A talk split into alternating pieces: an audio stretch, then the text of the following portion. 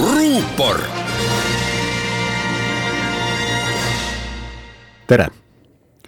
mina olen ajakirjanik Ainar Ruussaar ja täna teen tagasipõike ühele esmaspäevasele teatele Tartust, mis on Euroopa lähimineviku mõistmisel väga oluline, kuid võis pandeemia uudiste varju jääda nimelt otsustas Tartu maakohus mitte vabastada enne tähtaega sõjakuritegude eest Ihaste külje all asuvas vanglas pikki karistusi kandvaid Dragomar Miloševiči ja Milan Martitšit. mõlemad on veriste kätega mehed. sõjakuritegude puhul ei tähenda verised käed ilmtingimata seda, et selle sooritaja ise on olnud mõrvar selliste kuritegude puhul piisab ka käsust või heakskiidust tappa, piinata või põhjendamatult purustada kuuekümne kuue aastane Martitš oli üheksakümne neljandal ja üheksakümne viiendal aastal serblaste poliitiline ja sõjaline liider Horvaatia territooriumil loodud Kraina serblaste vabariigis, kelle puhul on tõestatud tema osalus rahuliku elanike tapmisele kaasaaitamises ja piinamises ning nende vara röövimises ja hävitamises. Tema karistuseks määras rahvusvaheline tribunal kolmkümmend viis aastat, neist viimased kaksteist on mees olnud vang Tartus seitsmekümne üheksa aastane Miloševič juhtis serblaste sõjalist üksust, mis piiras kolm aastat Bosnia pealinna Sarajevot.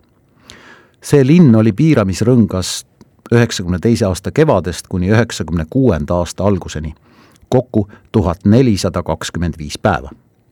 miinipildujate, suurtüki ja snaiprituli, külm nälg ja veenappus olid selle linna elanike igapäev kõigi nende aastate jooksul see sõjakuritegu nõudis ligi neljateistkümne tuhande inimese elu, nende hulgas oli paar tuhat last. Miloševitši karistuseks määras tribunal kakskümmend üheksa aastat, neist viimased kümme aastat on ta vang Tartus. mis on sõjakuritegu? kõige üldisemalt tähendab see sõjaõiguse rikkumist, nii palju kui sõjas saab üldse õigust olla. näiteks rahulike elanike või sõjavangide väärkohtlemist ja tapmist samuti tähendab see asulate ja kultuurimälestiste tahtlikku hävitamist ja veel paljusid asju. paberil nimega Genfi konventsioon on kõik ilus, aga tegelikkuses on sõda nähtus, milles kirjutatud reeglid ei kehti või kehtivad haruharva. viimase kolmekümne aasta jooksul on erinevad osapooled pannud toime sõjakuritegusid Afganistanis, Iraagis, Gruusias, Mägi-Karabahhis, Tšetšeenias, Rwandas, Kongos minu poolt juba mainitud Balkanil ja veel paljudes kohtades. kahjuks on mitmed nende sõjakuritegude toimepanijad vabaduses, mitmed neist oma riigi kaitse all ja mõned uhkeldavad oma võigaste tegudega siiani.